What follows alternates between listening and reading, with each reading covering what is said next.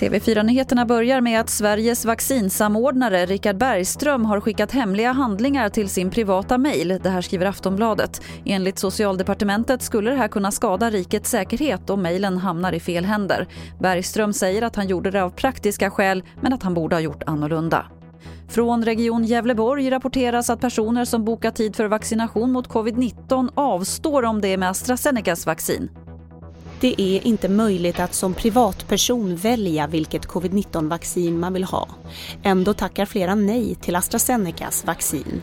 Region Gävleborg berättar att ett antal personer som bokat tid har nobbat sprutan när de fått veta att den innehåller det svensk-brittiska företagets variant. Det rapporterar P4 Gävleborg. Världshälsoorganisationen WHO står fast vid att vaccinet inte ökar risken för blodpropp men listan på länder som stoppar AstraZenecas doser blir allt längre.